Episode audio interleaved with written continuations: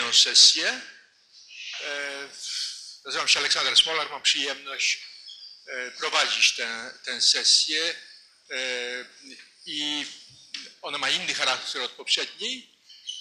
Nie tyle to jest próba prezentacji dokonań rządu Tadeusza Mazowieckiego przez aktywnych, wybitnych uczestników tego, tego rządu, tylko mamy trzech byłych premierów, którzy e, byli premierami rządu Rzeczypospolitej w późniejszych różnych okresach. Jestem ogromnie wdzięczny za, e, za udział. Proszę Państwa, tu Andrzej Fryszke, który znakomicie prowadził poprzednią e, sesję, podsumował też ją krótko. Ja powiem to, co mnie najbardziej uderzyło w tej, w tej sesji, co jest rzeczą oczywistą, ale warto o tym przypomnieć. To znaczy, w jakiej sytuacji ogromnej niepewności i nowości sytuacji znalazł się ten, ten rząd, o czym, się, o czym się nie pamięta, nie zostało to wspomniane. Trzeba powiedzieć, że to był pierwszy rząd e, w pełni suwerennej Polski po dziesiątkach lat, po e, pierwszy e, na ziemi polskiej, nieemigracyjny, e, poczynając od 1939 roku i pierwszy na całym wielkim obszarze, prawda, od granicy Niemiec zachodnich, prawda, aż po, aż po Władywostok. Stanął wobec problemów, które były dramatyczne, z których e, często już nie zdajemy sobie sprawy, zapominając, dlatego że przeszłość się banalizuje. Fakty, e, które wówczas były przedmiotem decyzji i ogromnej niepewności, dziś już są zakrzepłe e, w faktach społecznych, politycznych, ekonomicznych i traktuje się je jako naturalne. Chciałbym tylko, żeby przypomnieć, jak była to dramatyczna sytuacja, chciałbym przypomnieć dwa, e, dwa dowcipy. Jeden dowcip i jedno powiedzonko, które wówczas miało e, dość szeroki obieg. Jedno to, to było pytanie, co to jest socjalizm? I odpowiedź padała najdłuższa droga od kapitalizmu do kapitalizmu, prawda? Drugie jest poważniejsze, które lepiej wskazuje na to, z czymże w istocie zetknęliśmy się wówczas. To było pytanie, ten dowcip opowiadał Lech Wałęsa często, ale, ale e, samą formułę wymyślał pewien poeta rosyjski, mianowicie on powiedział, że wiemy jak, jak z ryby zrobić zupę rybną. Otóż my nie wiemy, czy z zupy rybnej można zrobić rybę. Otóż w istocie stanęliśmy wobec tej sytuacji. E, dziś to się wydaje oczywiste i banalne, ale chciałbym przypomnieć, iż najwybitniejszy myśliciel polityczny ostatnich dziesiątków lat, który zmarł niedawno, Samuel Huntington w 1984 roku napisał e, artykuł, który był sławny, o demokracji i gdzie między innymi rozważał, jakie są szanse demokracji. Otóż cały nasz region, włącznie ze Związkiem Radzieckim, załatwił w jednym paragrafie. Nie ma możliwości powrotu od socjalizmu do kapitalizmu to znaczy to, co po angielsku można by było ratchet principle na, nazwać, czyli prawo zapadki, to znaczy historia, która się przesunęła w tę stronę, w stronę e, kolektywizmu, prawda, ekonomicznego i nie tylko ekonomicznego, że w istocie nie ma możliwości powrotu.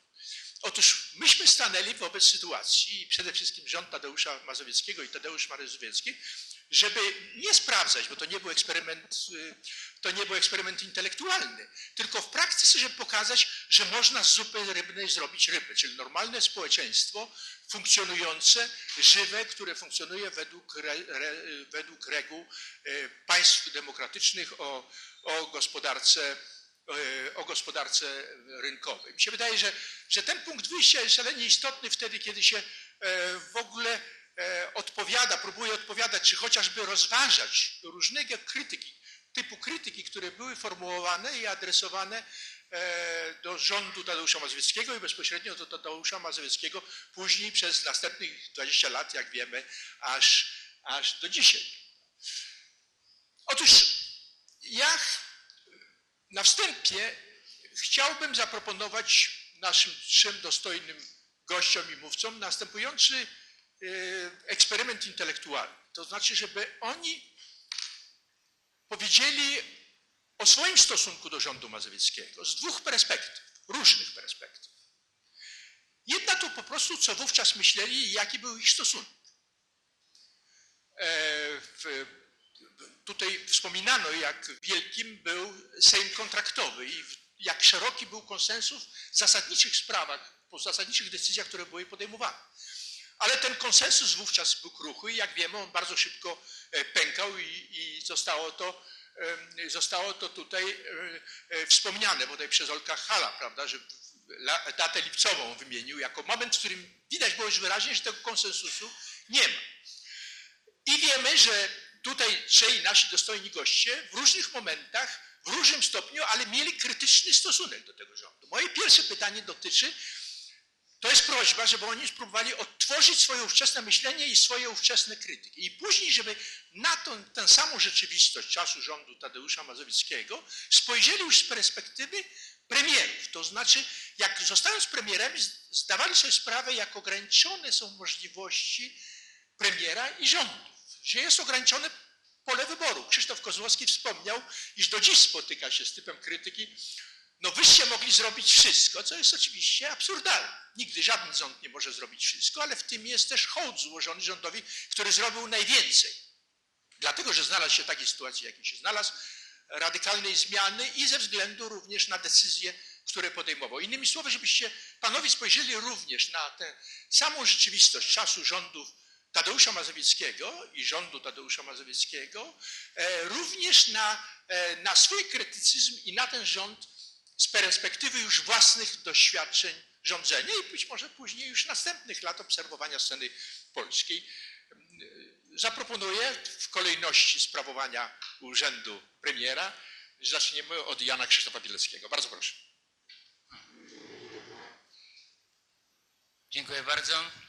E, dziękuję serdecznie za zaproszenie. Jest to dla mnie wielki zaszczyt móc uczestniczyć e, w tych uroczystościach związanych z dwudziestoleciem utworzenia rządu. Jest to oczywiście okazja, żeby podkreślać wszystkie dobre strony, bo od podkreślania złych stron na pewno znajdzie się wielka ilość chętnych w naszym kraju. Jak również jest to okazja, żeby jeszcze raz y, podkreślić coś, co wydaje mi się być y, pewną nietypową rzeczą w naszym kraju, że pomimo rozbieżności poglądów i konfliktów pomiędzy nami, w dalszym ciągu z panem premierem e, Mazowieckim rozmawiamy i nie tylko rozmawiamy, ale wydaje mi się w sposób e, przyjacielski, co jest, jak powiedziałem, pewną specyfiką relacji, jakie układają się w polskiej polityce w ostatnich latach. Powiedziawszy to i, i będąc lekko zaskoczony prowokacją pana Smolara, myślę, że ograniczę się do przytoczenia paru anegdot, paru zdarzeń, które w jakimś sensie no, odpowiadają na to pytanie.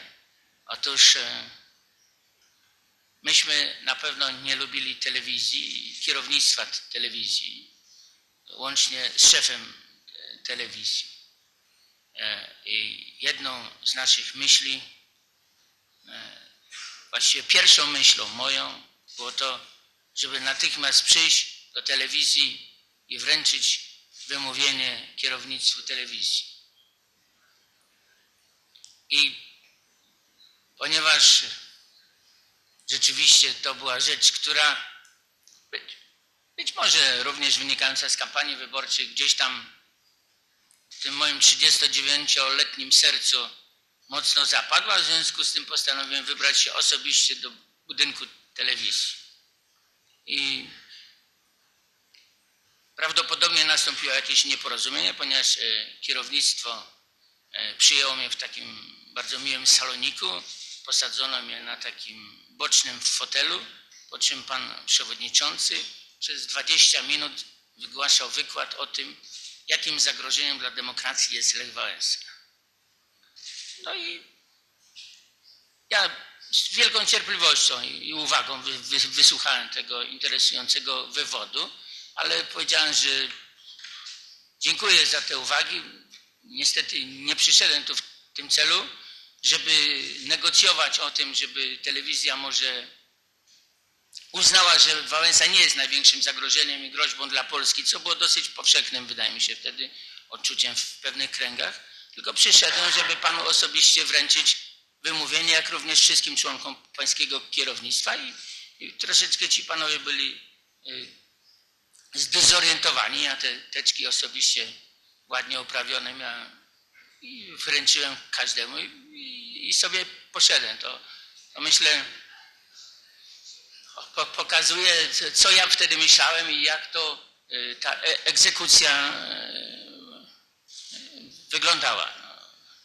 Jak mówię, drugą taką historią, która przychodzi mi na myśl, to jest to, że po wkroczeniu do, do gabinetu zobaczyłem tam jakieś postradzieckie urządzenia typu jakaś gigantyczna konsola e, telefoniczna, e, do tego dziesiątki telefonów bez cyferblatu, tylko z jakąś prawie korbką, gdzie się dzwoniło i tak dalej. I, i pamiętam, że pierwszy telefon, za który podniosłem, właśnie nie wiedząc do kogo dzwoni, to się okazało, że to jest Wałęsa, który siedział w Belwederze i mówi, halo, halo, mówi Wałęsa, ja mówię, halo, halo, ja mówię, kto mówi?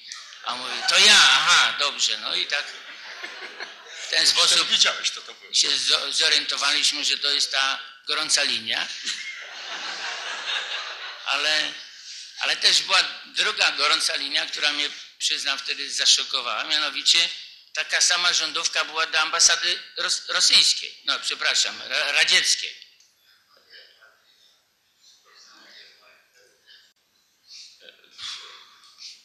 To była jedna z pierwszych Tak. decyzji Tadeusza, żeby zerwać ten. Znaczy, wydaje mi się, że, że, że myśmy odcięli te rządówki. No ale...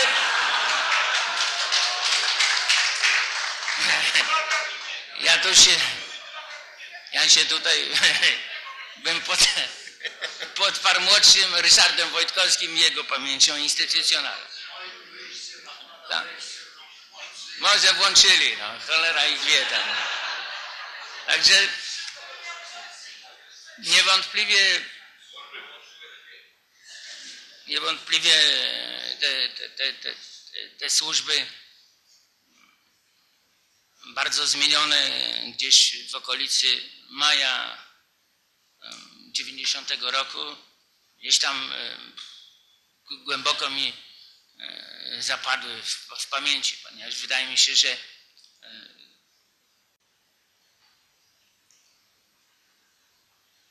potem e, w procesie takiej nieformalnej lustracji, nie wiem, czy o tym się mówi, czy, czy się nie mówi. E, O wszystkim się mówi. No tak, ale z której zresztą potem skorzystał Jean Tolszewskiego e, na szereg takich rzeczy. No i, i, i może też taka opowieść, kiedy pojechałem pierwszy raz do, do Niemiec i, rozmawiałem z Helmutem Kohlem w obecności tylko ambasadora i, i Helmut Kohl e, przeprowadził dłuższy wy, wykład mnie, dlaczego widocznie wtedy mając te 39 lat nie wyglądałem zbyt poważnie, bo z kim się nie spotykałem, to każdy zaczynał od długiego wykładu. I, taki dosłownie 30-minutowy, gdybyście Państwo mieli czas, to mogę przytoczyć. Kamdesimi taki wykład wy, wygłosił, Kol właśnie świetnie pamiętam, Gorbaczow to, to samo. I Kol przez 30 minut mi tłumaczył, że on robi wszystko, żeby być naszym przyjacielem, natomiast nie rozumie, dlaczego my, sąsiedzi, odwracamy się e, do, do, do, do Niemców i, i dlaczego tak bardzo zapatrujemy się na Francję.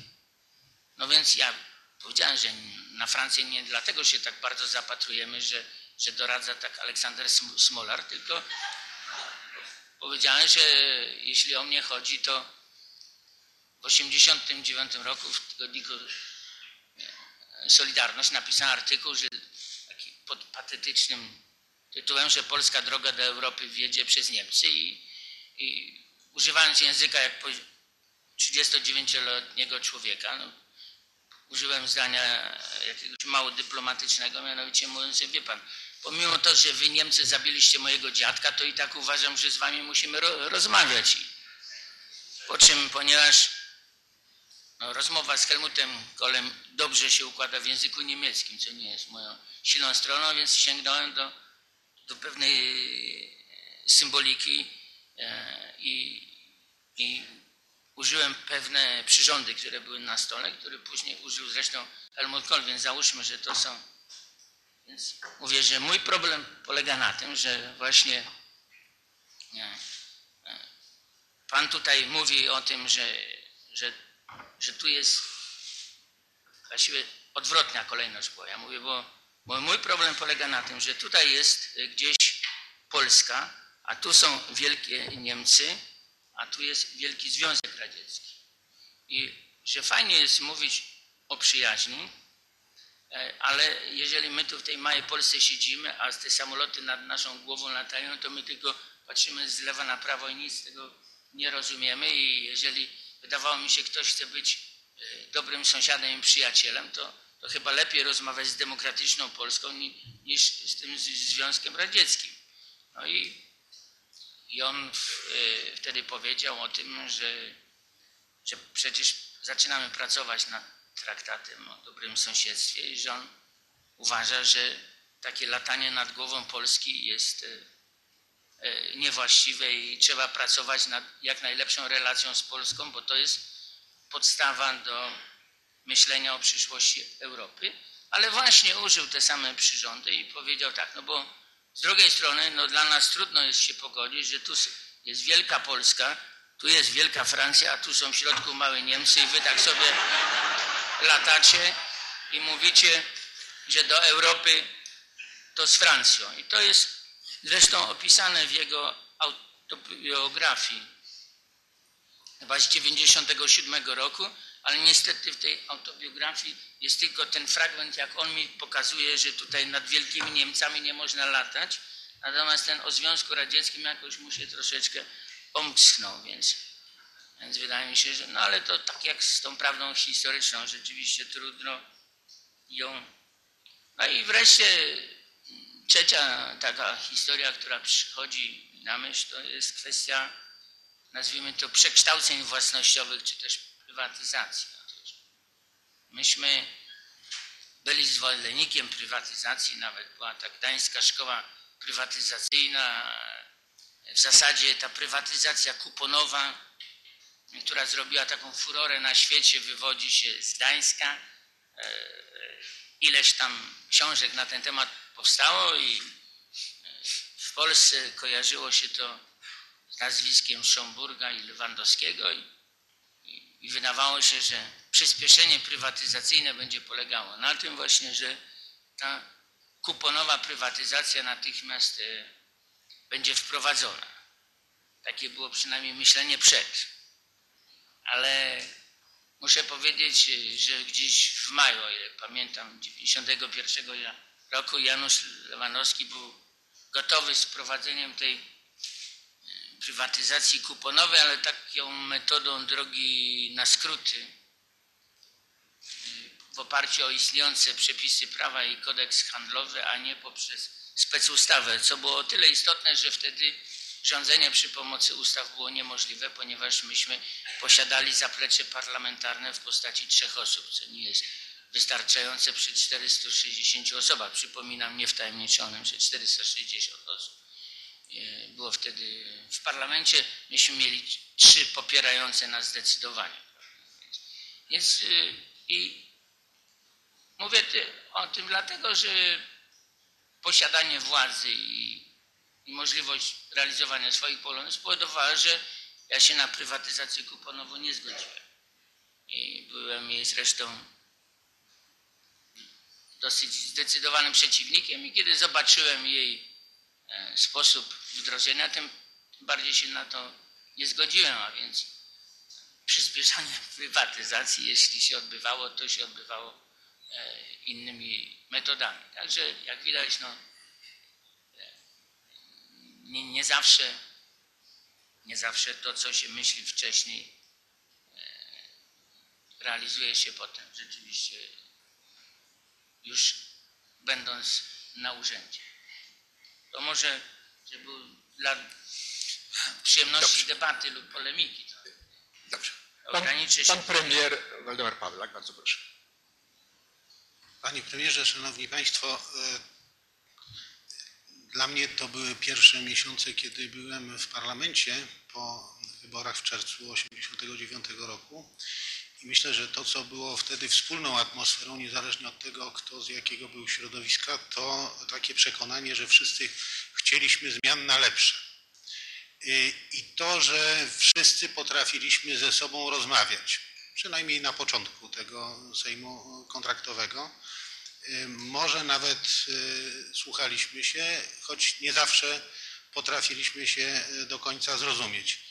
I y, to, co w moim przekonaniu y, dzisiaj troszeczkę jest być może ze szkodą dla sprawy zapominane, to efe- ten fakt, że było to bardzo szerokie porozumienie, że była ta wielka koalicja i e, później, jeżeli się pojawiły pewne e, napięcia, to one może nawet nie wynikały z tego, e, że e, była tak krytyczna e, ocena procesów, co był e, może deficyt e, dialogu. I y, dzisiaj, y, jeżeli patrzymy na tamten czas, to był to pierwszy moment, kiedy można było powiedzieć o przełamaniu takich historycznych podziałów i rodowodowych y, koncepcji tworzenia rządów y, w Polsce. On y, zakończył się wraz z wyborami e, prezydenckimi tu być może dla Państwa e, bardziej widoczne są te e, kontrowersje, które były w OKP, czy te, które były związane z panem prezydentem Wałęsą, ale chcę podkreślić, że w myśleniu PSL-u myśmy szukali też dla tych zmian takiego oparcia społecznego. Znaczy, jeżeli mówimy o środowiskach, które y, intelektualnie przewodziły tym zmianom, to trzeba było też się odwołać do tych środowisk, które zachowały prywatną własność przez te lata. E, To byli i e, rolnicy, to byli także rzemieślnicy.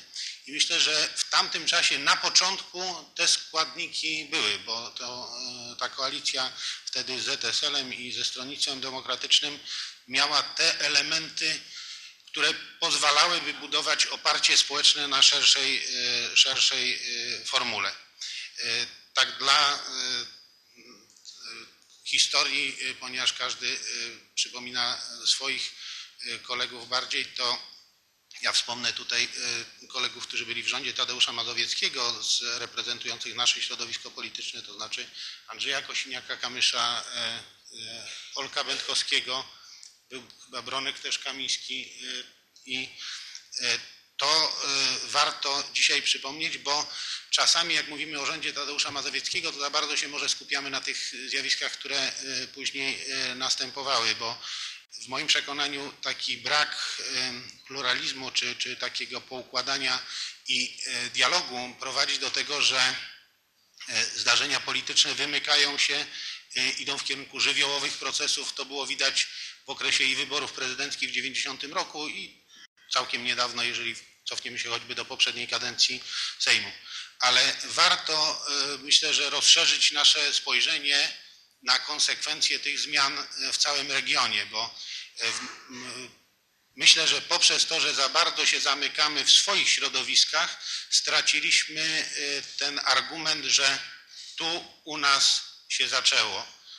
I dzisiaj na świecie w takim powszechnym obiegu jest mur berliński jako symbol przemian. A jeżeli byśmy spojrzeli na Europę Środkowo-Wschodnią, to praktycznie od momentu powołania rządu Tadeusza Mazowieckiego zaczęło się takie przebudzenie, taka emancypacja Europy Środkowo-Wschodniej i powrót do, do tych y, y, suwerennych, samodzielnych państw, które są tutaj w naszym regionie. Ponieważ posługujemy się tutaj różnymi przypowieściami, analogiami, ja pamiętam z tamtego okresu taką y, słodką historię, y, która ukazywała różnice w mentalności i w podejściu, bo u nas te sprawy szły z dużym społecznym poparciem i dużym społecznym zaangażowaniem i e, przedsiębiorcy wiedzieli, jak to, jak to e, robić. Natomiast z jednego z krajów ze wschodu usłyszałem taką e, ciekawą anegdotę, to nasz ambasador mówił. E, W oryginale to ma swój smak jeszcze, jeszcze bardziej, bo to dwie staruszki rozmawiają e, w e, autobusie i jedna do drugiej mówi znajesz, samo jest straszno jest jej czas, że dumać nada.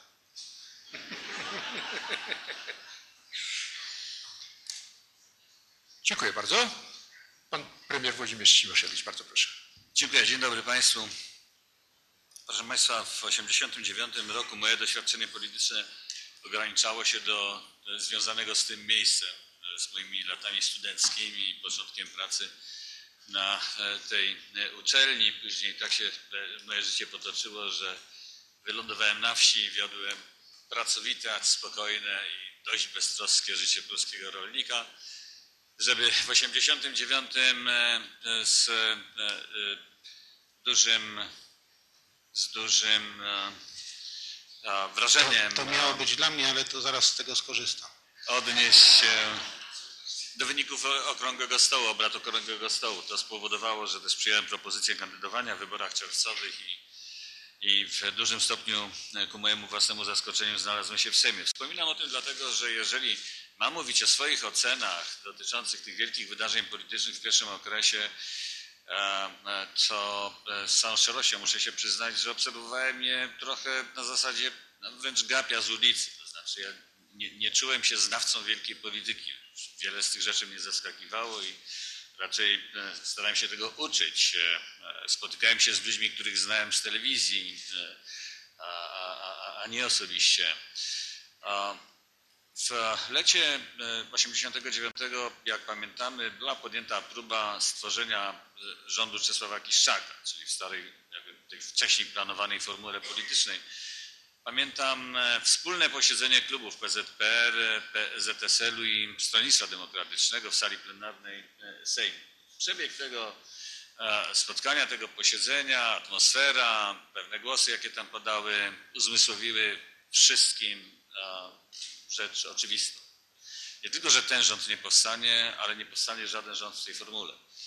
Że e, coś e, zmieniło się bardziej, bardziej zasadniczo, głębiej niż e, mogłyby na to wskazywać statystyczne, arytmetyczne wyniki wyborów czerwcowych. Dlatego też fakt powierzenia panu Tadeuszowi Mazowieckiemu misji tworzenia rządu nie był politycznym zaskoczeniem. Ja przyznaję, że wtedy bardzo mało wiedziałem o panu Tadeuszu Mazowieckim i nie potrafiłem ocenić, czy będzie dobrym premierem, czy nie będzie dobrym premierem, ale to, że człowiek wywodzący się ze środowiska Solidarności otrzymuje tę misję, stało się zupełnie oczywiste.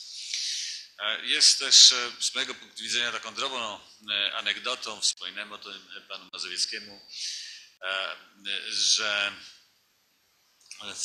wtedy, kiedy jego rząd był powoływany e, jako jeden z e, członków e, delegacji polskiego parlamentu, przebywałem za granicą. Odbywała się bardzo uroczysta sesja Unii Międzyparlamentarnej w Londynie z okazji stulecia tej organizacji i tam zastała nas wszystkich informacja o powołaniu, o składzie rządu. Oczywiście zainteresowanie Miejscowe było ogromne, byliśmy rozchwytywani przez e, dziennikarzy z prośbą o jakieś komentarze i ku mojemu oszołomieniu, zdumieniu, oszołomieniu zwróciła się do mnie telewizja BBC, żebym w ich wiadomościach skomentował ten fakt i skład e, rządu. Ja pierwszy raz w życiu występowałem wtedy w telewizji i do tego w głównym wydaniu wiadomości e, BBC. Muszę powiedzieć, że byłem trochę zdrętwiały, a e, do tego połowy rządu Tadeusza Mazowieckiego nie znałem.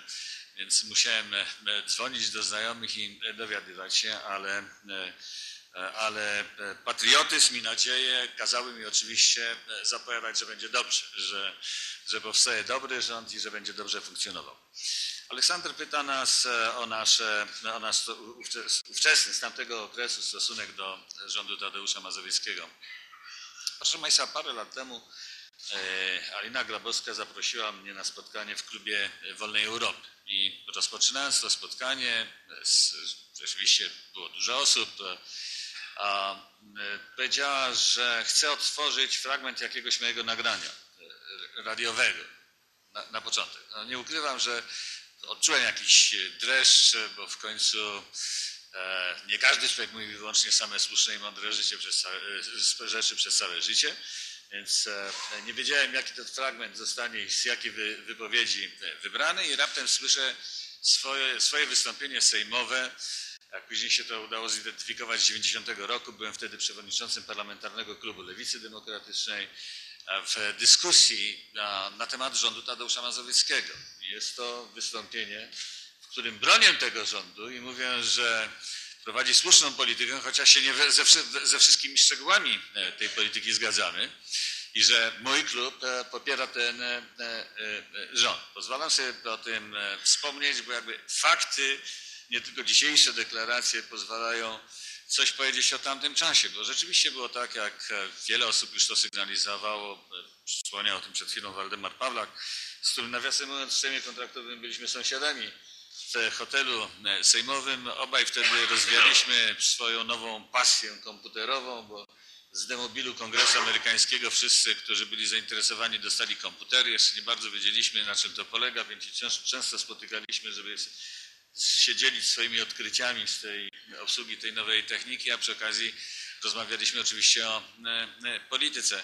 Że rzeczywiście wtedy panowała w tym parlamencie, nie chciałbym tego idealizować, ale dosyć szczególna atmosfera. Myślę, że zarówno pan premier Mazowiecki, jak i pan premier Balcerowicz, inni członkowie tego rządu pewnie jednak potwierdzą to, że no, chyba nie udałoby się w niespełna dwa tygodnie przyjąć pakietu ustaw reformujących gospodarkę w połowie grudnia, tak jeszcze, żeby Senat to przed Sylwestrem, a, a Sejm ostatecznie w Sylwestra klepnął, żeby do 1 stycznia 90 roku weszło w życie, gdyby nie było szerszego porozumienia, gdyby nie było woli współpracy. Wyobraźmy sobie podobną próbę w jakimkolwiek późniejszym Sejmie. Ileż to możliwości proceduralnych, włącznie ze zgłoszeniem półtora tysiąca poprawek jest, żeby nie dopuścić do dotrzymania takiego e, terminu. Więc wtedy nie tylko, że nie odwoływano się do filibustierki, że nie blokowano w żaden sposób e, e, tych prac, ale starano się pomóc. Dlaczego? Dlatego, że jak sądzę, no nie chcę powiedzieć, że wszyscy, ale bardzo wiele osób w tym Sejmie, niezależnie od tego, skąd pochodzili, mieli poczucie tego, że Polska czeka na zmiany, że zmiany w Polsce są niezbędne i że tak los sprawił, niezależnie od tego, jak doszliśmy do tego Sejmu, że rzeczywiście e, możemy zrobić coś niezwykle ważnego dla swojego kraju, dla swojego państwa, dla swojego e, społeczeństwa. I wiele osób kierowało się silnym poczuciem dobra publicznego, dobra wspólnego w e, tych działaniach. Mimo, że się spieraliśmy. Ja się spierałem z Aleksandrem Halem o projekt ustawy o partiach politycznych, bo ja reprezentowałem inny projekt, bardzo nawiązujący do rozwiązań niemieckich. Byłem przekonany o tym, że ten może nad, zbyt daleko posunięty idealizm w tworzeniu niezwykle liberalnego systemu nie jest rozwiązaniem najlepszym. Pewnie Aleksander Hall po latach też się zgodzi, że e, powstanie 400 partii politycznych e, w ciągu kolejnych dwóch czy trzech lat po uchwaleniu tej ustawy może było interesującym doświadczeniem, ale niekoniecznie wpływało na stabilizację polskiego, polskiej sytuacji politycznej. Jeżeli w 1991 roku wybraliśmy kolejny Sejm, w którym byli przedstawiciele 27 ugrupowań e, e, politycznych, to wszyscy pamiętamy, jak trudno było stworzyć jakikolwiek kolejny rząd, a jak łatwo było się dzielić. Tutaj słowo do Krzysztofa Kozłowskiego, który powiedział, że to odepchnięcie części ludzi doprowadziło do sukcesu SLD w 1993 roku. Krzysiu, w tej sprawie się z Tobą nie zgadzam.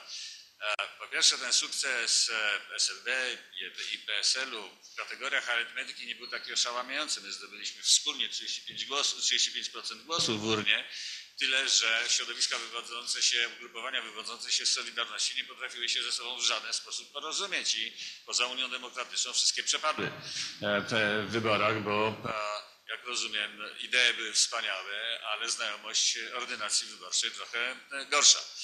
E, I e, e, no, tak, tak, tak to było. Ja myślę, że to nie jak raz ludzie odepchnięci politycznie, ale no, chociażby fakt, że były już 3 miliony bezrobotnych. Ja w tej chwili nie oceniam tego w kategoriach dobrze i źle, tylko stwierdzam, przypominam fakt. Miało to swoje konsekwencje społeczne, konsekwencje polityczne. Więc było wiele dobrej woli w podejściu do, do tego rządu, chociaż powtarzam, nie wszystkim się zgadzaliśmy i wtedy uważałem, że ten rząd popełniał błędy i dzisiaj uważam, że popełniał e, e, błędy. Leszek Balcerowicz chyba wspomniał tutaj gdzieś w jakimś momencie tylko wspomniał o, o, o, PGR-ach. Osobiście uważam, że przy tym gigantycznym przedsięwzięciu, jakim była reforma gospodarcza i które wtedy popierałem i dzisiaj popieram, uważam, że było e, bardzo słuszne, popełniano także błędy wynikające z, z tego, że nie, no, pewnie nie było czasu, nie było wręcz możliwości dostrzeżenia wszystkiego, wszystkich elementów i na przykład zrozumienia, że jednak rolnictwo różni się jako pewien sposób gospodarowania od, e, od produkcji przemysłowej. W związku z tym, e, że inaczej trzeba podejść do kwestii rozliczeń, zadłużeń i tak dalej, i tak. Być może nie, kolejne 300 tysięcy ludzi nie znalazłoby się bez pracy i to w takich miejscach, gdzie na, na jakąkolwiek alternatywę nie mogli e, liczyć. Więc uważałem i uważam, że oczywiście były podstawy do tego, żeby również e, o takich błędach mówić. Nie po to, żeby podstawiać nogę temu rządowi, tylko no, żeby próbować szukać e, bardziej e, e, doskonałych e, rozwiązań. Proszę Państwa, e, wtedy w Polsce pojawiło się, dzisiaj rozmaite anegdoty były e, przytaczane, takie powiedzenia anegdotyczne, anegdotycznie brzmiące, ale jednak bardzo inspirujące powiedzenie, którego źródłem było to, co robił rząd Tadeusza Mazowieckiego, prawda? Wiele osób pewnie to y, y, przypomni sobie. Mawiano, że w Polsce rzeczy bardzo trudne robimy, e, załatwiamy w ciągu e, godziny, a niemożliwe najpóźniej następnego dnia. Otóż e, rzeczywiście to, co robił rząd Tadeusza Mazowieckiego i zrobił, zmuszony sytuacją, musiał się tego podjąć i chwała Bogu, że się i podjął, że, że potrafił to zrobić. Było niezwykle e, zachęcające pewnie dla wszystkich e, te później. To znaczy to była taka wielka lekcja, że można bardzo wiele, że można więcej niż ktokolwiek mógłby dzień wcześniej pomyśleć, że to jest możliwe. Czyli, że e, jeżeli jest odpowiednia wola, jeżeli jest determinacja, tutaj przykład także Balcerowicza był bardzo ważny, jego determinacja, z jaką bronił swoich pomysłów w, parlamencie, była wręcz modelowa, e, to można e, zrobić wiele. Myślę, że to była wielka lekcja także takiej działalności publicznej, działalności politycznej i pewnej skuteczności, e, e, e, skuteczności politycznej. Dla mnie osobiście było to ważne doświadczenie, ważna nauka także wtedy, kiedy sam miałem zaszczyt kierować e, polskim rządem. A w wielu dziedzinach e, każdy kolejny rząd e, e, w sumie kontynuował to, co zapoczątkowano w okresie rządu Tadeusza Mazowieckiego. No, nikt jednak nie próbował nawet zawracać Polski z obranego kierunku z przemian ekonomicznych.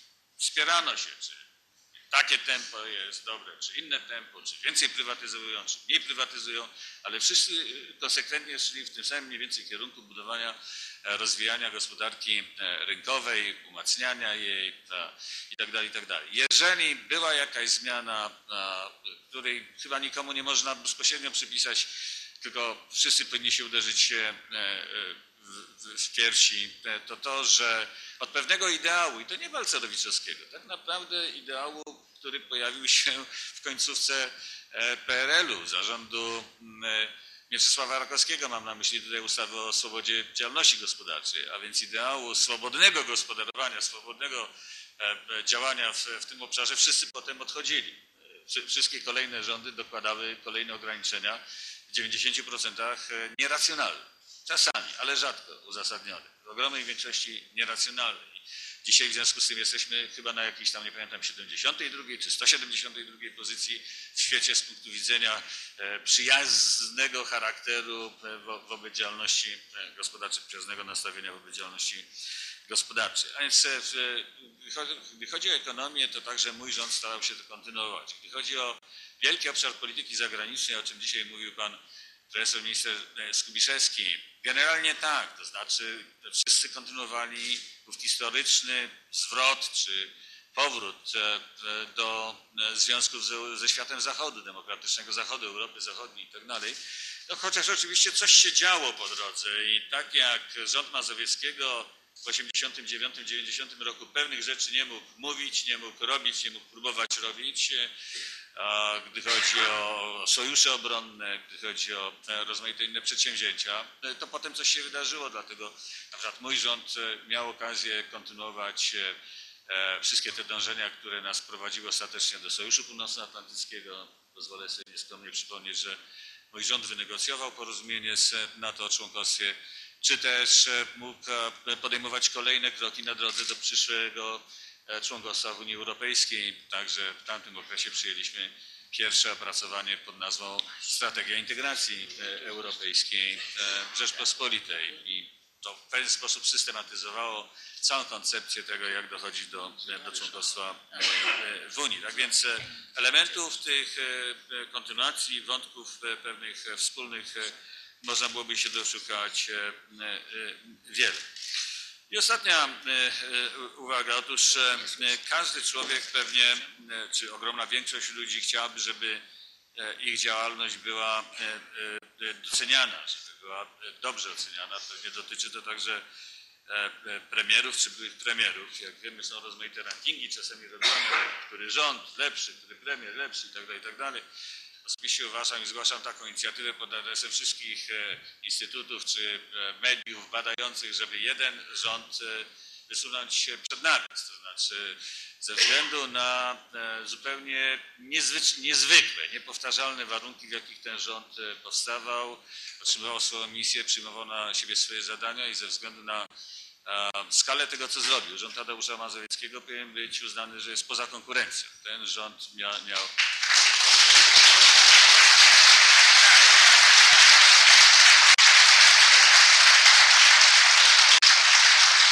rząd miał charakter, charakter wyjątkowy, ten rząd miał charakter historyczny. Nikt nigdy już tego nie powtórzy. Panie premierze, wyrazy szacunku i wdzięczności.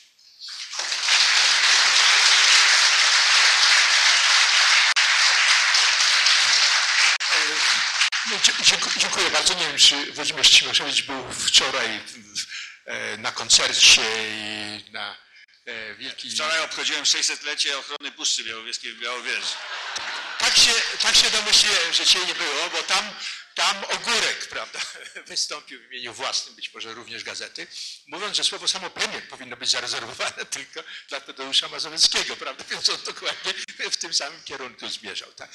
E, proszę Państwa, e, dwie, dwie, jedna informacja e, i, i przekazanie jednej prośby. Informacja, organizatorzy nam pozwolili przedłużyć do 14.30, więc i tak nie mamy za dużo czasu.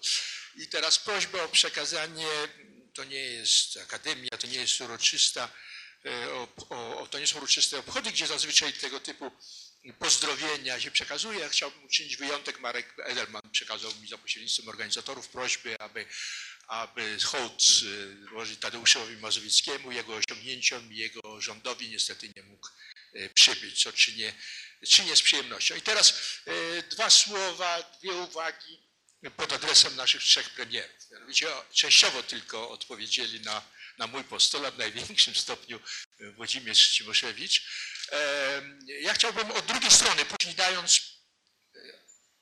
parę minut jeszcze tylko. Chciałbym od drugiej strony do tego samego problemu podejść. Mianowicie w, te, w teorii e, polityki e, często wyodrębnia się trzy typy decyzji politycznych. To są decyzje metapolityczne, które dotyczą e, ukonstytuowania się wspólnoty, jej granic i charakteru wspólnoty, prawda? Czy zasada etniczna, czy zasada polityczna. I można powiedzieć, że to na, na szczęście nie, przyspa, nie przysparzało wielkich problemów, nie było problemów z granicami, chociaż oczywiście mieliśmy moment niepewności, o których e, pan minister Krzysztof Skubiszewski mówił w związku z negocjacjami 2 plus 4 co do uznania przez, przez Niemcy naszej granicy zachodniej. Również jeżeli chodzi co do charakteru wspólnoty e, obywateli polskich, tutaj nie było żadnych dyskusji, wspólnota polityczna to nie był problem dyskusji. Drugi poziom to jest decyzji, można powiedzieć, konstytucyjne, to znaczy ustalające reguły, e, reguły e, gry, e, zasady funkcjonowania wspólnoty. I tutaj między innymi określenie pola polityki, to jest rzeczą bardzo istotną. I toż, otóż tutaj w sferze gospodarczej Leszek Barcerowicz o tym mówił, to znaczy jak ograniczano rolę państwa poprzez przywracanie naturalnych mechanizmów gospodarczych. I tutaj zresztą była aluzja e, Jana Krzysztofa Bieleckiego, jak on przeciwko e, owej kuponowce, jak Czesi ją później nazwali, a wzięli od od polskich autorów z Gdańska, dlaczego się temu przeciwstawił, ale mi się wydaje, że dwaj pozostali premierzy też mieli pewne wątpliwości, być może nie w tym samym mom- mom- momencie.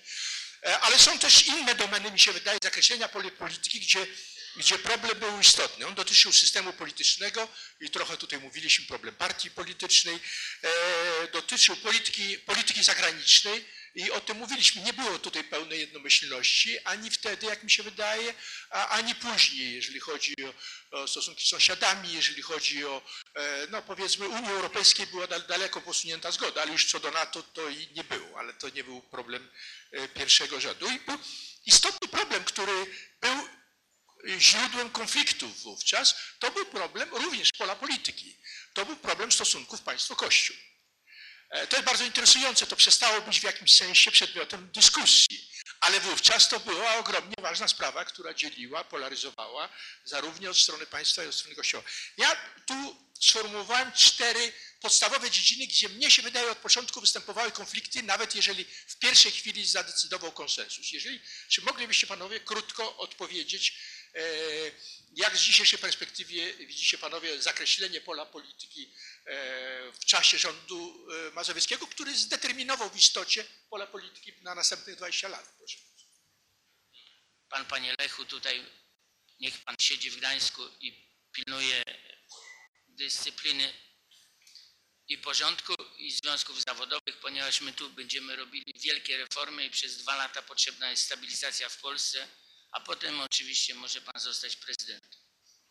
I to jest e, decyzja kluczowa, jeśli chodzi o personalia, jeżeli chodzi o, o przyszłość, ale to jest również decyz- decyzja kluczowa, ustrojowa, ponieważ e, konflikt, który w wyniku tego nastąpił, spowodował według mnie fałszywe wzmocnienie roli prezydenta w naszym ustroju konstytucyjnym. Spowodował, że konflikt pomiędzy premierem a prezydentem jest praktycznie wbudowany w istotę tego ładu konstytucyjnego. Spowodował to, że no, zwyciężyło takie przekonanie, że wprawdzie ten parlament jest tylko w 35% wolny, ale zresztą powtórzył to Włodzimierz Cimoszewicz, ale to są rzeczywiście wszystko ludzie tak zdeterminowani dla wykonania tej misji i przekonani o wielkości dzieła, że już nigdy nie będzie tak dobrego parlamentu, tak chętnego do pracy wspólnej nad reformami. Ale abstrahując od tego, to był parlament, który nie miał mandatu od społeczeństwa do sprawowywania władzy w Polsce, zwłaszcza przy tego typu skali zmian. To była kl- kluczowa, e, e, ustrojowa kwestia, która według mnie się niezwykle nieszczęśliwie potoczyła i, i która no, potem znalazła taki epilog, jak, pamiętam. E, Druga kwestia to jest e, tutaj poruszona państwo a Kościół. Myślę, że Tru, trudno mi to oceniać z perspektywy rządu mazowieckiego, natomiast mogę tylko powiedzieć tak, że zazdrościłem e, Tadeuszowi Mazowieckiemu jego mm, dobrym e, relacjom z hierarchią e, polskiego kościoła, ponieważ my byliśmy wrogiem pu- pu- publicznym numer jeden i jest to jedyny przypadek i, sądzę, że ostatni przypadek w historii demokratycznej Polski, kiedy hierarchia Kościoła zaangażowała się w kampanię wyborczą po to, żeby nie dopuścić do, do, do rządów e, liberałów i zresztą to zaangażowanie się no, dało doskonały efekt, bo z niczego powstała katolicka akcja wyborcza, która uzyskała, nie wiem, drugi czy, czy trzeci wy- wynik e, w wyborach, pierwszych wyborach wolnych w Polsce. I kiedy każdy proboszcz rozdawał ulotki mówiące o tym, że tylko pamiętajcie, nie dopuśćmy do rządów liberałów, bo wtedy, myślę, hierarchia Kościoła kompletnie fałszywie oceniła e, ryzyka e, występujące w Polsce i uważając, że w cudzysłowie ryzyko postkomunistyczne kompletnie nie istnieje. Jedyny problem w Polsce, jaki mamy, to to, żeby nie była zbytnio liberalna i żeby te dewiacje, odchylenia liberalne zostały maksymalnie e, ograniczone. I trzecia kwestia to jest najbardziej tutaj delikatna, to jest szybkości odcinania pępowiny tego starego. I to jest oczywiście temat do niekończącej się dyskusji, co można szybciej było odcinać, co, co można było wolniej. Myślę, że, że ten problem odcinania tej pępowiny e, rzeczywiście istniał i, i myśmy pewnym momencie musieli wychodzić z tych struktur e, starych, e, sowieckich struktur z Układu Warszawskiego i, i z RWPG i, i kwestia od, odcinania szczególnie naszych więzi z RWPG była kwestią szeregu dylematów i ryzyk. Ja pamiętam, nawet ostatnio widziałem zapis posiedzenia Rady Ministrów, kiedy dyskutowaliśmy na temat konieczności całkowitego odcięcia się od RWPG BIS, które oferowali wtedy Rosjanie i szereg głosów kolegów ministrów, którzy mówili, że jednak no, trzeba być z tym ostrożnym, bo odcięcie się od RWPG całkowite może spowodować ograniczenie dostaw e, ropy i gazu, a przecież my jesteśmy tu w dużym stopniu e, uzależnieni. No, na koniec zwyciężyło e, to, co, co powszechnie znamy i to pokazuje konieczność tego permanentnego dokonywania zmian i nie chcę tu użyć słowa przyspieszenia, bo to wywołuje bardzo Już było użyte w rano dzisiaj. emocjonalne podejrzewam konotacje, ale niewątpliwie taka kwestia przyspieszenia e, była problemem tych pierwszych kilku lat, kiedy było przekonanie, że, że czasu jest mało, a, a, a pole do, do, do wykonania, do, do zakres pracy przeogromny. I myślę, że na, może kończąc, że myśmy e, ściągnęli od rządu, jeżeli tak można powiedzieć, Tadeusza Mazowieckiego taką postawę straceńczą, ponieważ przypominam sobie, że dwa czy trzy miesiące przed, przed wyborami na przykład dokonaliśmy e, obcięcia rent i emerytur o chyba 20% albo na przykład nie wypłaciliśmy rewaluacji e, na, nauczycielom, chociaż myślę konstytucyjnie mi się to należało w ramach tak zwanego rozsądku budżetowego. No więc to było takie wtedy średnie uprawianie po polityki, ra, raczej to poczucie misji, czy jakbyśmy to określili. Dziękuję. Dziękuję bardzo. Pan premier Pawlak, bardzo proszę.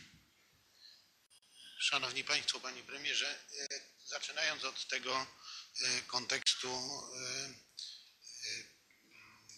który dotyczy konstytuowania się naszej wolności, warto rzucić okiem na historię i geografię naszego regionu, zwłaszcza, że w tym roku obchodzimy 440 lat Unii Lubelskiej i prosiłbym, żebyście zwrócili uwagę na zachodnią i wschodnią linię tych granic, które oznaczają dzisiaj region Europy Środkowo-Wschodniej. Po Unii Lubelskiej e, wspólnota Polski i Litwy była największym państwem e, ówczesnej e, Europy. Tak było także w następnym wieku i później, jak wiadomo, trafił się nam okres, kiedy znaleźliśmy się pod zaborami pruskim, rosyjskim i austriackim. Tak było do początku XX wieku, a tak mamy tą obecną geografię. E, I w tym kontekście myślę, że e, trzeba też spojrzeć na te e, frustracje, różne okrzyki dotyczące różnych relacji zagranicznych, bo tak prawdę mówiąc to my powinniśmy z uśmiechem i z pewną fantazją i dumą mówić o tym, że pokojowe przemiany, które się zaczęły 20 lat temu w Polsce doprowadziły do tego, że Europa Środkowo-Wschodnia się wyemancypowała, a i Rosja i póki co Niemcy wróciły do granic sprzed kilkuset lat. I teraz można by powiedzieć, no to jest geografia, każdy może sobie spojrzeć na, na mapę, ale spójrzcie teraz na takie podsumowanie. W regionie jest 12 krajów, 9 jest w Unii Europejskiej, 3 e, Ukraina, Białoruś, Mołdowa są poza Unią Europejską. Tu mieszka 160 milionów ludzi prawie. To jest więcej jak Rosja. To jest dwa razy tyle co Niemcy. PKB w tym regionie jest większe jak rosyjskie. I teraz, jeżeli spojrzymy na pierwszy wiersz tej tabeli, to Polska ma tutaj jedną czwartą ludności i jedną trzecią PKB. I to jest ta pozycja, która nas konstytuuje y, w tych y, współczesnych y, realiach. Jeśli teraz spojrzymy, ops, to jednak nie zbyt szybko za, zakończyło. Jeżeli spojrzymy na tą sytuację, która dotyczy, która dotyczy chociażby spraw związanych z tymi przemianami, to widać tutaj, jak się zmieniał PKB w tym czasie, e, w okresie e, tych 20 lat e, transformacji. I Polska jest też wyjątkowym krajem, który cały czas idzie do przodu. Tutaj miałbym lekką prośbę o takie też zastanowienie się nad tym sformułowaniem, które pan premier, pan profesor Balcerowicz wspomniał o odniesieniu do Erharda. Erhard miał cztery takie fundamentalne zasady swojego ładu gospodarczego. Po pierwsze, wolna konkurencja, po drugie, pełne zatrudnienie, po trzecie, stabilność cen i po czwarte, upowszechnienie własności. I w tym kontekście myślę, że warto się nad tym zastanowić, bo oczywiście można było pójść różnymi drogami. Myśmy poszli drogą e, neoliberalną, ta, o której tutaj e, mówimy, wspominając Erharda, e, została zdefiniowana jako ordoliberalizm i e, dzisiaj cały czas e, mamy jeszcze możliwości e, korygowania tych procesów i kształtowania ładu gospodarczego także w takim kontekście z uwagi chociażby na to, że mamy przecież w tej chwili poważny kryzys systemu opartego wyłącznie na takich mechanizmach neoliberalnych i na mechanizmach e, skupionych wyłącznie na wymiarze e, finansowym. E, W tym kontekście warto wspomnieć e, o tym, że no jeszcze tak dla porządku, jak inflacja się zmieniała, bo to dzisiaj już uległo mocno zapomnieniu, ale e, jak już tak wspominamy, to schodziliśmy z bardzo wysokiej górki. To dzisiaj warto patrzeć na pokładanie tych reform, reform w taki sposób, żeby odwoływać się do społeczeństwa i dzisiaj, jeśli y, mówimy o społeczeństwie obywatelskim, to warto pójść o jedno oczko dalej, mówiąc o aktywnym społeczeństwie. Jeśli o gospodarce, to innowacyjność jest tą cechą wyróżniającą. Instytucje, państwo, y, bardzo ważne, żeby były sprawnym państwem, bo czasami się mówi, że y, jak najmniej państwa, jak najmniej regulacji, jak najmniej przepisów. Można powiedzieć tak, y, że oczywiście są kraje, gdzie y, nie ma przepisów ruchu drogowego, ale to nie są kraje, w których chcielibyśmy zamieszkać. I z tym się wiąże właśnie sprawa lepszych e, regulacji. Y, Już króciutko, tylko jeśli chodzi o sprawy dotyczące właśnie regionu, to powiem tak, że my nie będziemy zapewne tutaj liderem regionu, bo politycznie, gospodarczo się tego nie da zrobić, ale moglibyśmy być po tym, jak jesteśmy już w NATO i w Unii Europejskiej, moglibyśmy być speakerem czy rzecznikiem Europy Środkowo-Wschodniej, a więc reprezentować taką soft power tego naszego regionu, a niewątpliwie potencjał jest tutaj e, bardzo duży. I co do e, spraw związanych z relacjami państwo-kościół, wydaje mi się, że zupełnie niepotrzebnie na potrzeby bieżącej bijatyki politycznej doszło do tego, że e, nastąpiło takie konfrontowanie z Kościołem. Tylko wspomnę jedną sprawę i rolę e, papieża Jana Pawła II w procesie członkostwa do Unii Europejskiej. On bardzo wyraźnie powiedział tak i to było nawet dla takich bardzo czasami zacietrzewionych e, zaskakujące i trudne do zaakceptowania, ale jeżeli byśmy traktowali Kościół jako instytucję, która ma swoją autonomię, ale równocześnie ma w pełnym zakresie prawo współuczestniczyć w procesach, to nie tylko siła się wywodzi y, z pieniądza i ekonomii, ale także z ducha. Dziękuję. Dziękuję. Pan premier Cimoszewicz, proszę. Oczywiście, że kwestii spornych było e, dość dużo, tylko że ja mam wrażenie, że one rzadko układały się jakby między rządem Tadeusza Mazowieckiego a, a kimkolwiek, powiedzmy, na, także na przykład moją formacją polityczną w okresie Sejmu kontraktowego. Na przykład kwestie polityki zagranicznej. Może już mnie pamięć zawodzi, ale ja nie bardzo sobie przypominam, żebyśmy się przeciwstawiali jakimś zasadniczym kierunkom e, przedstawianym przez profesora Skubiszewskiego w, w jego sejmowych expose minister zapoczątkował pewną tradycję trwającą e, do dzisiaj w tym zakresie. Natomiast tak, rzeczywiście potwierdzam, na początku lat 90. e, e, Lewica miała wątpliwości co do e, wstępowania do Sojuszu Północnoatlantyckiego, przy czym pozwolę sobie też zauważyć, że do słynnego przemówienia Clintona w Detroit już w połowie lat 90. e, także świat zachodni w ogóle nie, nie, nie, dopuszczał wręcz myśli o rozszerzeniu NATO e, na wschód. E, Dwóch kolejnych sekretarzy generalnych NATO mówiło to w czasie wizyt w Polsce, więc e, e, wydawało się wtedy, przynajmniej e, na samym początku, że, e, że potrzeba nam jakby większego realizmu. Przy czym po, e, po upadku Związku Radzieckiego w grudniu 1991 roku, kiedy rzeczywiście pojawiła się perspektywa wytworzenia się pewnej pustki e, na wschód od nas, e, destabilizującej, potencjalnie destabilizującej sytuację w zakresie bezpieczeństwa w Europie, również e, lewica przeszła zmianę poglądów w tym zakresie i później e, nie tylko, że poparła samą ideę, ale e, bardzo aktywnie wtedy, kiedy miała taką możliwość, działała na rzecz jej zrealizowania. Były sporne kwestie dotyczące na przykład systemu politycznego. No, Był jeszcze Sejm kontraktowy, kiedy spieraliśmy się o podstawową regułę wyborczą. Czy wybory mamy mieć proporcjonalne, czy nie wyłącznie proporcjonalne. Pamiętam, że wtedy był na przykład lansowany w Obywatelskim Klubie Parlamentarnym pomysł ordynacji mieszanej, pół na pół, większościowe, proporcjonalne.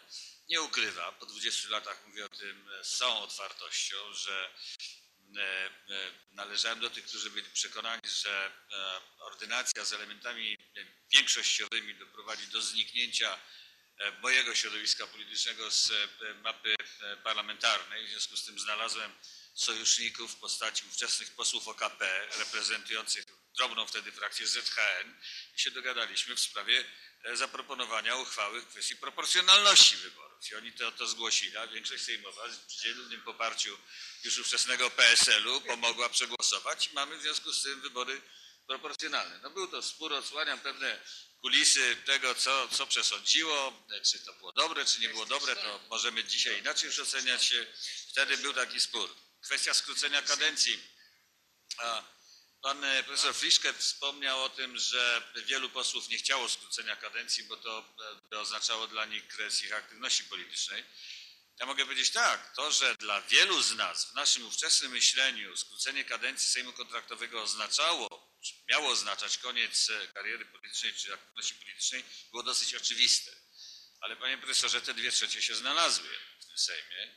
I to nie jest z takiej kalkulacji, że to e, właśnie przyniesie sukces wyborczy. Drugi raz, niedawno mieliśmy, chwała Bogu, skróconą kadencję, ale e, dlatego, że wszyscy, którzy głosowali za tym skróceniem, byli przekonani, że na tym wygrają.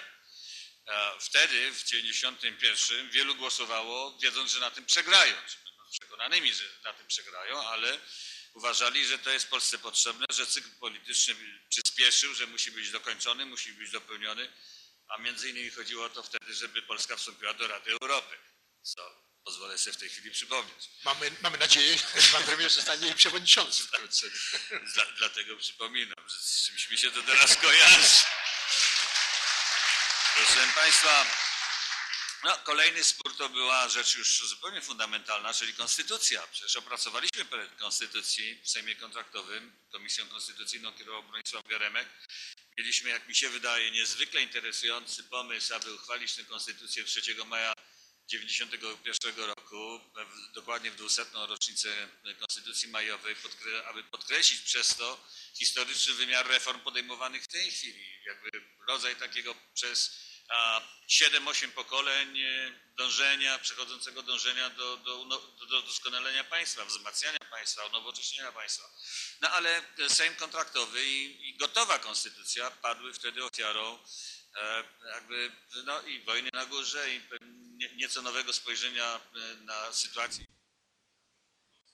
Ja rozumiem, że można było, można pewnie dzisiaj e, twierdzić, że nie miał ten Sejm pełnego wymiaru, e, mandatu, konstytuanty i tak dalej, e, ale e, nie, nie jestem po dzień dzisiejszy, chociaż odegrałem także pewną rolę także z panem pre, premierem Tadeuszem Mazowieckim przy opracowaniu konstytucji, jaką obecnie mamy. Nie jestem przekonany, że to był zdecydowanie lepszy scenariusz niż przyjęcie konstytucji w 1991 roku. Delikatna, delikatna kwestia stosunków państwo-kościół. E, Proszę Państwa, nie wiem kiedy będziemy mogli e, spokojnie o tym rozmawiać, tak jak w demokratycznym e, społeczeństwie i demokratycznym państwie, bez podejrzeń, bez jakichś skojarzeń itd. itd. Tylko Kiedy będziemy mogli potraktować to jako całkowicie naturalny przedmiot debaty w obywatelskim, demokratycznym społeczeństwie. Otóż no, tak często e, lubimy odwoływać się do konstytucyjnych czy z zakresu praktyki politycznej przykładów dotyczących Stanów Zjednoczonych. W szkolnictwie publicznym Stanów Zjednoczonych nie ma nauki e, religii. W Konstytucji Stanów Zjednoczonych o Kościele się nie wspomina, dlatego że przyjęto tam, i to przyjmijmy, uznajmy, że dosyć wypośrodkowaną, mamy przykład Francji, e, koncepcję czy sposób traktowania czy sposób rozumienia relacji między e, Kościołem czy Kościołami i, państwem, państwem demokratycznym. Otóż po prostu te różnice wynikały w bardzo w wielu przypadkach nie z antykościelnego nastawienia, tylko z e, takiego, a nie innego rozumienia e, charakteru państwa demokratycznego. Jako premier i legalista doprowadziłem do tego, że katecheci dostali wynagrodzenia, bo poprzednio ich nie dostawali. A ja uznałem, że nie może być takiej sytuacji, że ktoś pracuje i nie dostaje za to wynagrodzenia. E, e, Ale jednocześnie byłem przekonany, że wprowadzenie religii do szkół publicznych było błędem z punktu widzenia funkcjonowania państwa demokratycznego. Jako premier nie podjąłem żadnego działania, żeby religię wyprowadzić i uważałbym, że dzisiaj, gdyby ktoś takie, taką próbę podjął, byłby to błąd, że nie należałoby tego robić. E, Kiedy pan profesor Skubiszewski negocjował konkordat w czasie, kiedy miało to miejsce już po uchwaleniu wotum nieufności dla rządu Hanny Suchowskiej, miałem wątpliwości, czy to jest właściwy moment do negocjowania tego typu umowy. Kiedy została podpisana, miałem wątpliwości co do interpretacji niektórych e, sformułowań tej e, e, umowy. Dlatego jako premier doprowadziłem do rozmów ze Stolicą Apostolską na temat e, doprecyzowania e, interpretacji e, tej, e, tej umowy. I mimo, że uzgodniona deklaracja interpretacyjna polskiego rządu później nie została uchwalona, podtrzymana przez kolejny rząd, który doprowadził do ratyfikacji tego konkordatu, mogę po e, latach stwierdzić e, e, z otwartością, że e, te wątpliwości, choć uważałem je wtedy za uzasadnione, na szczęście e, nie znalazły żadnych swoich potwierdzeń w praktyce, że ta umowa funkcjonuje e, prawidłowo. Więc e, ja sądzę, że pewien zakres e, różnic, wątpliwości, różnic poglądów powinien być uznany za rzecz całkowicie naturalną i oczywistą, charakterystyczną dla, dla demokratycznego państwa, demokratycznego społeczeństwa i tego też oczywiście nie brakowało. Dziękuję. Dziękuję bardzo. Pro- Proszę Państwa, to już moja wina, że tak mało czasu zostało na dyskusję. Parę głosów, bardzo krótkich, bardzo zwięzłych. Proszę, żeby jak najwięcej osób mogło powiedzieć. Mamy tylko 14, 14 minut, nie przekroczymy ani o minutę, powiedzieli mi organizatorzy. Bardzo proszę.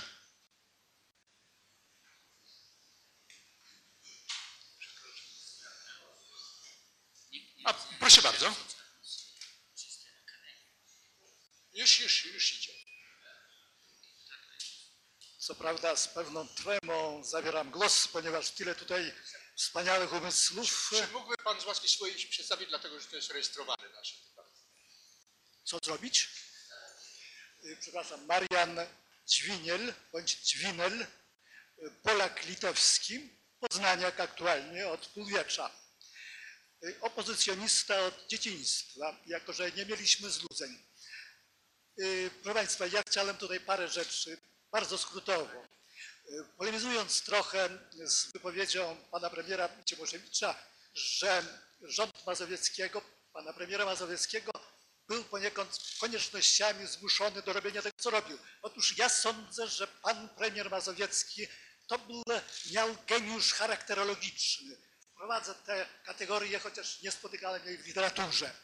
Dzięki właśnie tym cechom mógł zrobić to, co zrobił i dlatego wyrażam e, jako człowiek mało znany, w swoim środowisku trochę, e, wdzięczność panu premierowi za wspaniale dzieło dokonane przez niego i przez jego rząd dzięki jego zaletom charakterologicznym. Dziękuję bardzo. Dziękuję bardzo. Dziękuję bardzo.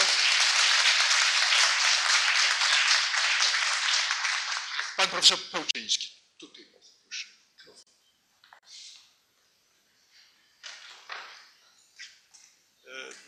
Mówię w charakterze doradcy. Byłem doradcą profesora Gieremka przez półtora roku w Komisji Konstytucyjnej. Całkowicie popieram to, co powiedział pan premier Cimoszewicz, że przygotowaliśmy, bo miałem też udział w jednym z dwóch zagranicznych doradców. Przygotowaliśmy wspaniałą konstytucję, daleko lepszą niż ta konstytucja, która po pięciu latach powstała. E, I myślę, że nastąpiło tutaj po prostu e, no, różnego rodzaju względy. Głównie chodziło, głównie chodziło o to, że, że nie może, że e, to, to wydawało się taka konstytucja, chociażby dobra, merytorycznie, po prostu nie ma legitymizacji, bo jest uchwalona przez Komisję Sejmu Kontraktowego, ale była forma legitymizacji, mianowicie zrobienie referendum, tak jak w wielu krajach się dzieje. Poddaje się konferend, po- po- poddaje się e, tekst konstytucji przygotowanej jakikolwiek, często przez jakąś komisję profesorów i tak dalej. To było legitymacją. Mi się zdaje, że cały kierunek poszedł w fałszywym kierunku, mianowicie legitymizacji człowieka, a nie le- legitymizacji konstytucji, które miały być podstawą tego wszystkiego. Ale moje doświadczenie to jest, jest doświadczenie jednego roku za, za czasów em, e, rządu Suchockiej, kiedy byłem głównym doradcą Jana Marii Rokity, wtedy szefa URMU, który zabrał się i miał jedy, był jedynym człowiekiem, miał wizję i chęć działania do tego, żeby stworzyć, żeby zreformować e, tą wykonawczą część władzy państwowej. Nowoczesne państwo polega na silnej władzy wykonawczej, które jednocześnie jest odpowiedzialne w ten czy inny sposób podane kontroli obywateli. Tymczasem gro uwagi, uważam, tych, którzy tworzyli system, poszło w kierunku ograniczenia tej władzy, uważam, oczywiście oglądając się na doświadczenia poprzednie, czy tworząc wolność polityczną w formie laissez-faire politycznego i budowania partii, prawda, e, no, zupełnie absurdalny system uważam, 15 osób. Em, I, i, czy, ale natomiast przeoczono to, co było najważniejszą rzeczą, że w Polsce nie było silnego centrum rządu i że rząd w nowoczesnym państwie może, musi mieć to silne centrum, prawda? czy to jest prezydent we Francji, czy to jest premier Wielkiej Brytanii, czy to jest kanclerz Niemczech i tak dalej. Te, sil, te silne centrum rządu, które koordynuje wszystko, które nadaje kierunek, który, który koordynuje ministerstwa, wyznacza strategiczne, istniało za PRL-u w Komitecie Centralnym. To było centrum rządu. Po upadku komunizmu te centrum się rozpadło i nie powstało nowe. Nie było centrum rządu za, za premiera Mazowieckiego. Był premier Mazowiecki, był Leszek Balcerowicz, był Aleksander Hall, byli różni inni ludzie, którzy na swoją władzę, na rękę działali. Nie było absolutnej koordynacji. To doceniał Jan Maria Rokita za czasów Sukockiej. Myśmy przygotowali 13 ustaw całkowita reforma, całkowita rewolucja systemu rządzenia, który oczywiście upadł w momencie, kiedy upadł rząd. Dziękuję bardzo, panie profesorze. E, Pani marszałek Olga Krzyżanowska, bardzo proszę.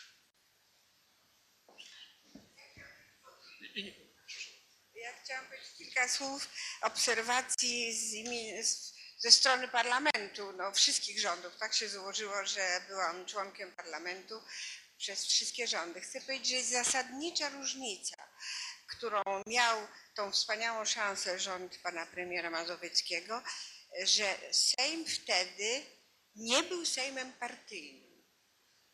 Tam były no, PZPR na początku, no, inne partie, które pamiętamy, ale to był okres rewolucji i właściwie wszyscy, myśmy to czuli, niezależnie od naszych różnic życiorysów zupełnie różnych, myśmy czuli, że nam wszystkim chodzi o coś wspólnego.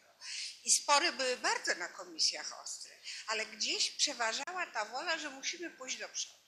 Niestety potem, jak byłam tak samo członkiem prezydium Sejmu w którymś z następnych kadencji, miałam czasami uczucie i w prezydium Sejmu, i w Sejmie, że interesy wąskiej grupy partyjnej, tej czy innej, lewej czy prawej, nie chcę powiedzieć, nie rozdawać cenzurek, którzy byli lepsi, dominowały nad poczuciem wspólnego interesu.